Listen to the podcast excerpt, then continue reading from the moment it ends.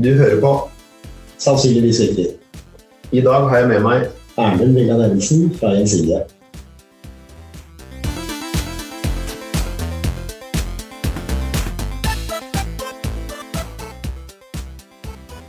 Erlend, vil kunstig intelligens løse alt for Gjensidige om noen år? Det tror jeg er ganske mange år til i så fall. Eh, vi kan løse mange ting med kunstig intelligens. Og i, i, for vår del så er det rett og slett snakk om eh, maskinlæring eller en type modeller eh, som er kunstig intelligens. Det høres jo veldig mystisk og farlig ut. Men det er rett og slett snakk om å, å, en måte å få innsikt ut av alle de dataene vi har. Og det kan løse mange ting. Um, men uh, mange ting som vi ikke kan løse med det. Og det er, er mye som er utfordrende med det å løse problemet med maskinlæring eller kunstig intelligens. Det er jo mange bransjer som hvor eh, maskinlæring eller hva skal kalle det, er nytt. da.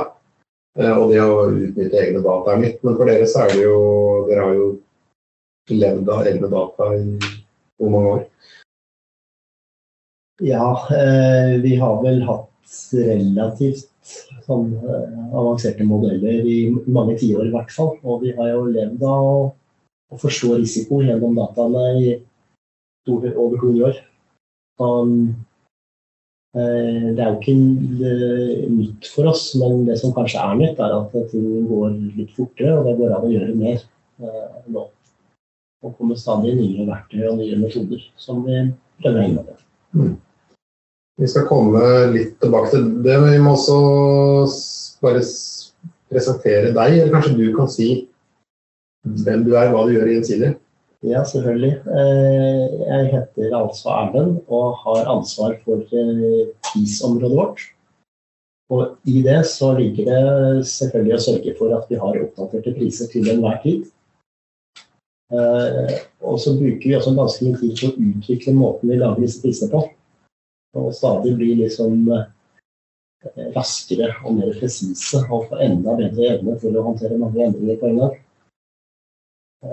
Og så bruker jeg også ganske mye tid på å jobbe sammen med hele analysesamfunnet da, i det, For det, er mange, og de sitter spredd ut. Vi har valgt å, å organisere oss sånn at de som skaper innsikt fra data, de sitter nært der innsikten skal brukes. Så de som jobber med skadeoppgjør, f.eks., de sitter der. Uh, og da trenger vi ikke litt tid på å, å samle oss og finne felles verktøy og felles metoder og sånne ting. Så det er jo liksom det, de, de tre tingene jeg bruker tid på gjensidige. Ja, det høres ut som det er nok, det. Um, og pris, hva, hva, er riktig pris? Eller jeg kan spørre på en annen måte. La oss si at om to år så lager noen hos dere den perfekte prismodellen, som er helt riktig risiko. Er det da i mål, eller er det mulig? Ehm, det er jo mer ved prisarbeidet vårt enn bare risikoprisen. så Det er jo det ene. Har vi den perfekte risikopremiemodellen eller risikoprismodellen, så er vi ikke helt i mål. Ehm, og er det mulig? Det er det jo neppe. Men eh, vi ønsker selvfølgelig å gjøre det så presist som mulig, så det bruker vi mye tid på. Og så er det jo alltid litt utfordrende å ikke gjøre det for presist med de dataene man har. fordi Eh, vi må teste at det funker på liksom, dataene for neste periode også. Så ikke vi blir for uh, si, roter oss bort i alle kriker og kroker i dataene.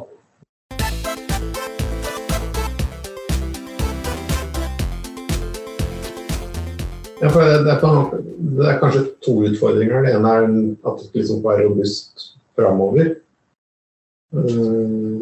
Og det andre er om Um, forsikring handler jo om risikodeling. Det kunne jo hende at det riktig altså min, Hvis dere hadde veldig mye data om meg og avanserte modeller, at jeg fikk en, egentlig skulle betale 100 ganger så mye som deg. Ja, og det, det er et veldig godt spørsmål. For da er man inne på eh, ikke bare det liksom tekniske ved å lage modell, men også modell, hvordan modellen skal virke. Og hvilke regler vi har rundt oss for det. Og det er vi også ganske opptatt av, at dette fungerer godt. Både i bedriften, men også i samfunnet. Så ja, man kan jo tenke seg at vi lager den perfekte modellen, selv om jeg tror vi er godt stykke av det. Og vi vet med sikkerhet at du kommer til å krasje i morgen. Um, og da ville vi jo selvfølgelig bedt deg om å ikke kjøre bil i morgen. Uh, så det er noe med det skadeforebyggende her. Men, men uh, bare la oss si at vi vet det. Og prisen på forsikringen blir jo da lik det vi skal utbetale. Pluss litt administrasjon, og da er det egentlig ikke så mye vits for deg å kjøpe forsikring. Um, det finnes noen sånne eksempler rundt f.eks. Eh, ekstremt flomutsatte områder hvor man bygger opp igjen hus på det samme stedet hvor det blir vaska vekk annethvert år. Um, og hvis vi skulle ta det helt ut i prisen, uh, så skaper det jo nesten en form for fattigdomsfelle hvor uh, um, ja, forsikring rett og slett ikke er tilgjengelig lenger. Uh, så det kan vi jo ikke gjøre. Så det er en del av den testingen som vi gjør rundt, rundt det å oppnå godkjenne og validere våre prismåler. Men betyr det at dere på en måte begrenser modellene eller betyr det at det har modellen som begrenser etterpå? Eller du kunne gjort begge deler, ikke sant?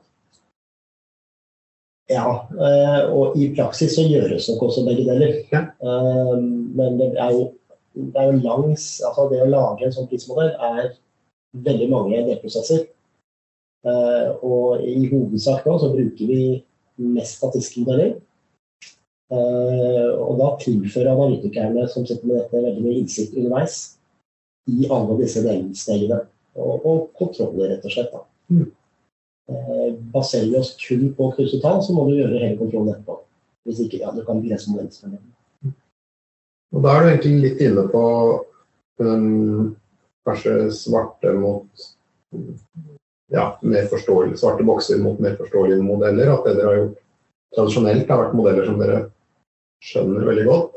Som kanskje ikke er perfekte, men de er robuste. Mens de nye modellene har kunne kanskje gitt en enda litt skarpere pris, på en måte, men har andre Jeg vet ikke hva dere tenker om det?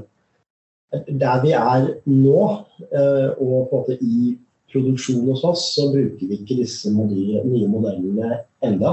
Eh, vi bruker de som input til de statistiske modellene. Eh, så vi kan f.eks. finne og rangere spennende sammenhenger i dataene. Og så putter vi inn de sammenhengene i den statistiske modellen, og så tester vi der. Hvor vi føler at vi er, lettere for oss å ha kontroll.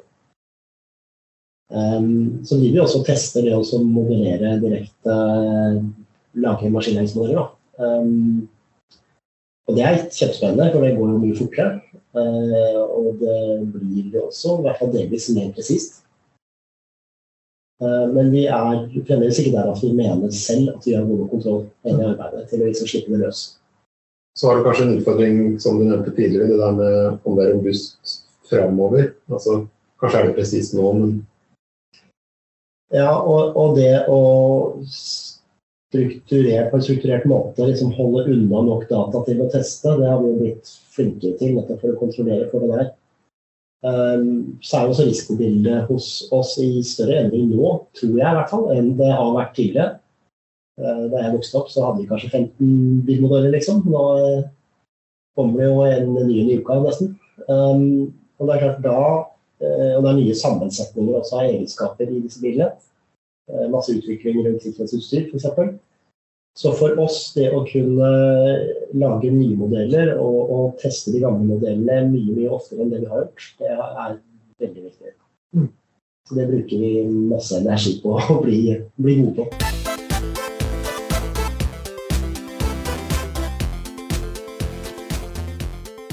Og det du er inne på nå, det er jo skikkelig vanskelig. Altså, du kommer en ny modell, bilmodell, og du har ingen historikk, så den skadehistorikken kan jo være Altså den bilen kan jo være en kjempe hva skal si, risikabel bil, eller ikke. Uten at vi vet det. Ja. Eh, absolutt. Så det er klart det vi har, er jo egenskapene ved den nye bilen. Så vi prøver å få tak i det raskest mulig, altså sammenligne med andre biler som har like mange hestekrefter eller eh, samme type sikkerhetsutstyr, så velger det samme osv. Så, eh, så vi har jo data som vi kan tilpasse.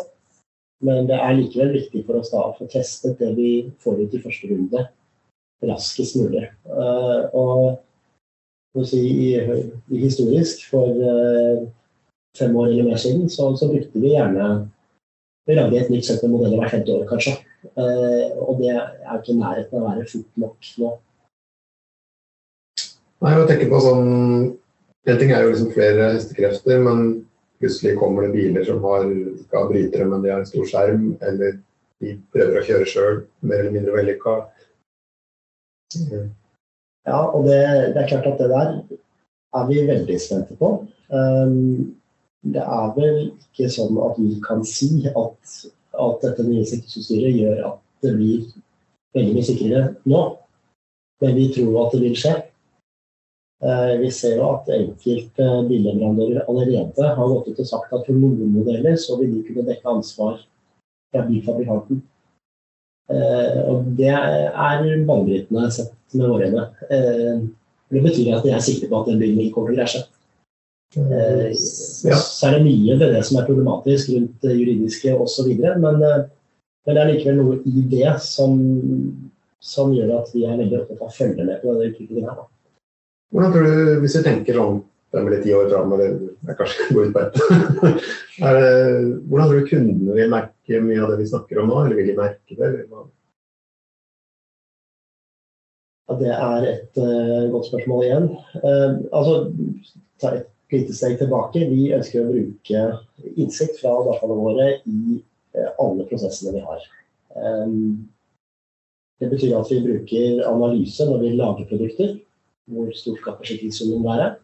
når vi lager prisen, som vi har snakket om. Vi bruker masse data i CRM-prosessene våre altså for å finne ut hvem vi skal selge til.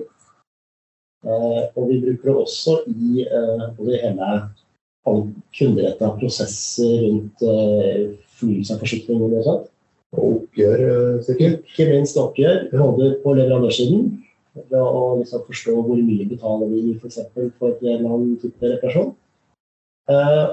Og på selve oppgjøret ut til kunde, hvor vi egentlig ønsker at mest mulig skal gå automatisk. Så det vi prøver å gjøre, er å sortere ut alle skademeldinger som ser helt OK ut. Her er det ikke noe grunn til å stille mer spørsmål. Og så går den utbetalingen direkte. Eh, og så sitter vi igjen med noen som vi tenker at ok, her kan vi ikke betale ut direkte. Eh, da rutes det til et menneske som gjør en egen vurdering, eller kanskje stiller flere spørsmål for det er klart vi ikke forstår. Og det gjør jo at vi kan betale ut penger på din konto på 1,6 sekunder, tror jeg vi har klart på det raskeste, som er fort. Og, og den type forenkling uh, og automatisering, det er noe kundene etter hvert nå forventer. Du blir jo irritert ikke sant, når du må vente på et annet. Um, så, det jobber vi mye med og skal jobbe enda mer med. Uh, det andre som ja, En annen ting i hvert fall som jeg tror er uh, viktig å bruke tid på hos oss, det er altså Forsikring er jo et lavinteresseprodukt for de fleste. Og det er veldig komplekst. For de færreste føler at dette uh, har jeg god kontroll på og, og, forstår hva jeg trenger. Så vi opplever at mange ringer til oss for å få en bekreftelse på at de har gode valg. Uh, og det burde vi jo på en eller annen måte kunne gjøre mer effektivt, tenker jeg. Skape større trygghet hos flere. Det har vi gjort en del eksperimenter på. Vi har prøvd å lage noen uh, for score for hvor mye forsikring man trenger. Det er veldig forenkling, men, nettopp for å, å, å, vurdere hvor man skal gå inn og gi ekstra råd. For det, vi har også rådgivningsplikt, men inn igjen så handler det om at folk er komfortable og trygge med at de har riktig dekning. Ja, det er jo, ikke sant? Det, det er jo komplisert. Ja, det er ofte ganske mange sider i vilkårene, og det er mer uttrykk der som ikke alle bruker til vanlig. ja, og det er sikkert lovverk som dere må forholde dere til som ikke gjør det enklere òg. Ja, det er, det er, ikke bare å forenkle alle de dokumentene. Så det er en del ting som må være med der, selv om, om det gjør at det er vanskelig å tenke gjennom.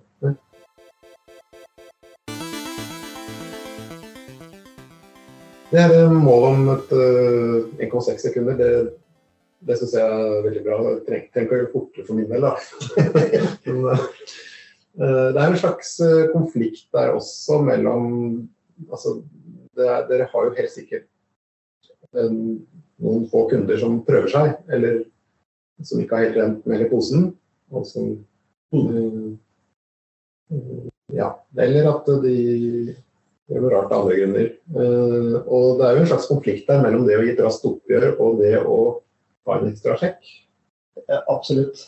Uh, og uh, her er det jo et par ting. Det er uh, Vi har opplevd i flere si, forskjellige automatiseringsprosjekter at vi er litt for raske, litt for smarte for vårt eget gode. Og, og må rygge tilbake at vi har ender opp med at vi har data som har kodet feil. Eller, så, så, hele den der ideen om å automatisere den har en, en, kostnad på presisjon, og det er viktig å forstå. Så det er alle, alle prosessendringer sånn gjør oss jo nervøse, for det skaper endringer i tall. Så Det er liksom det ene. Det andre er um,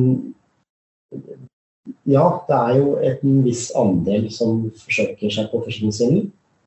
Um, det er jo ikke lov, og det gjør at forsikringene blir dyrere.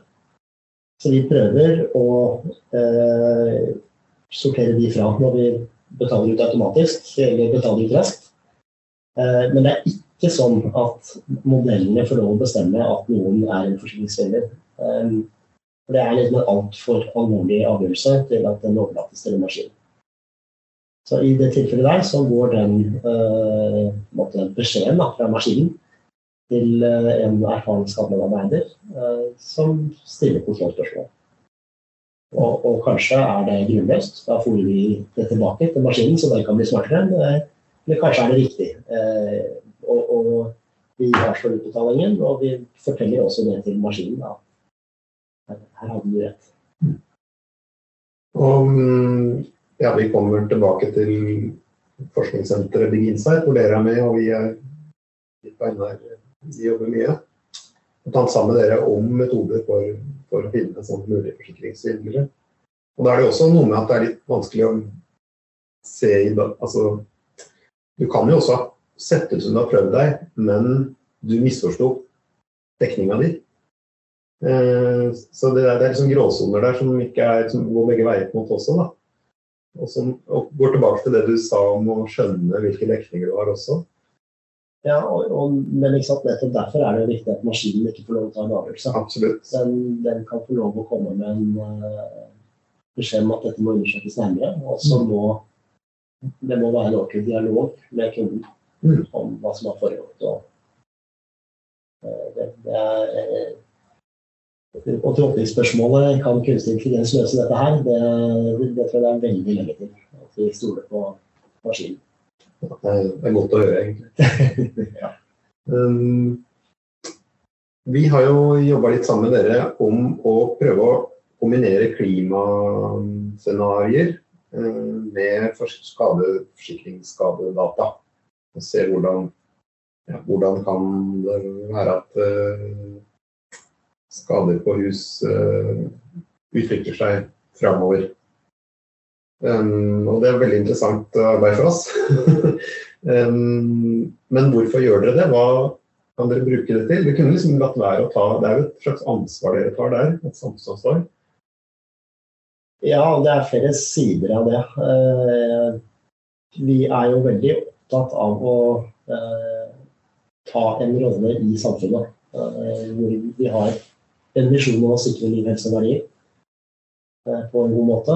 Um, så er det også uh, etter hvert en regelverk rundt det å, å være bærekraftig. Som sier om at uh, vi, vi, må prøve å forstå disse tingene. Og så er det selvfølgelig en økonomisk side. Um, hvor uh, det at vi forstår mer av hvor en vær- eller klimarelatert skade kan komme, gjør at vi kan prise riktigere. vi kan også bruke det skadeforebyggende. Ehm, jeg tror nok vi kommer til å ønske å gjøre mer ut mot kommuner og i måte, forhold til reguleringsplaner også. Eh, jeg skulle gjerne kunne lese reguleringsplanene maskinelt for å kunne forstå hvordan de endrer seg. Ehm, men det å, være mer proaktiv da, eh, på det området her, nettopp for å kunne både forstå og prise riktig, men også bidra til å, å, at det gjøres endringer hos kommunene. Det er definitivt viktig. Og så er det klart at Vi får til samarbeid med dere Her er vi inne på ganske tung bruk av kartdata, som vi har valgt å ikke ha innenlands. Det er for oss veldig fornuftig å samarbeide med noen som er gode til å regne på så store datamengder. Selv om vi også er flinke til å regne på mye.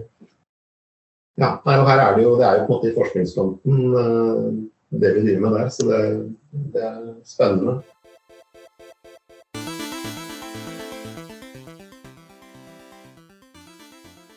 Ja, jeg nevnte så vidt Big Insight, og Big Insight er et senter for forskningsdrevet innovasjon, hvor Gjensidige er en, en, av brukerpartnerne. Det er mange, 15. Hva, hva er liksom Big Insight for deg? Um, det er jo flere ting. Det ene er um, Altså, vi har jo blitt invitert til å komme med våre eh, problemstillinger og, og, ting som vi trenger å få løst. Eh, og som jeg opplever at vi jobber på en god måte. Eh, men det eksponerer også oss mot både mot akademia på, på, en del områder som vi kanskje ikke hadde vært så opptatt av. F.eks. så er det en arbeidsform der som går på det å forstå kunstig intelligens, som, som, er viktig for jeg tror alle som jobber her. Um, og, og, det å, å, både være med og forstå hva som foregår, men og i den grad vi kan bidra, uh, så tror jeg det er, er veldig, veldig bra. Så er kanskje det siste som har vært viktig for oss, at det eksponerer oss også mot andre miljøer som jobber med de samme temaene. Så eh, det er, det er en veldig fin arena for å diskutere og også skape noe samarbeid på, som vi ikke ellers hadde kommet inn mm. ja. Jeg vil jo også si at dere tar samfunnsansvar ved å være med i et så langsiktig satsing. Det er bra for samfunnet og for oss. Eh, og så ser jeg også hos en del partnere at det tvinger også tvinger partneren til å kanskje tenke mer langsiktig enn det jeg skulle gjort. Uh, ja, sånn Utenfra så ser det, virker det som en bra ting, da. Det tror jeg du var helt rett i. For det er klart at uh, denne prosjektformen her går over åtte år. Mm. Og jeg tror ikke vi har mange altså Det er ikke mer enn en håndfull prosjekter, håndfull prosjekter som er så lange. Uh, det er normalt, så vi kan gjerne jobbe med temaet tema over tid. Men det å være så langsiktig også i fundingen, det, det gjør vi normalt ikke. Og det tvinger oss til å tenke langt frem, og det er sunt. Hva, hva tror du om ja, gjensidiges involvering og bruk av forskning framover? Kommer det til å øke eller minke, eller hvilke områder? Ja, det kommer i hvert fall ikke til å minke. Jeg, jeg, tror både at vi kommer til å gjøre mer internt, eh, kommer til å bli skarpere på noen områder. Jeg tror vi kommer til å bli enda mer bevisste på hva vi ikke skal gjøre internt. Uh, altså det å samarbeide med f.eks. dere på, på, ting som er enten spesielt tungt å regne på, eller krever kompetanse som vi bestemmer oss for ikke å ha.